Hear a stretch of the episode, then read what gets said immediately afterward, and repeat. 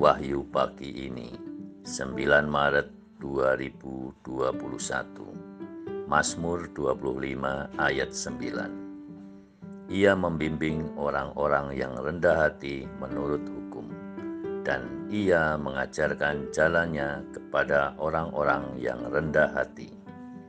Saudara-saudari terkasih, mari belajar hidup rendah hati di hadapan Tuhan dan sesama dengan jalan mau mengampuni dan mengasihi tanpa batas. Selamat pagi, Tuhan memberkati.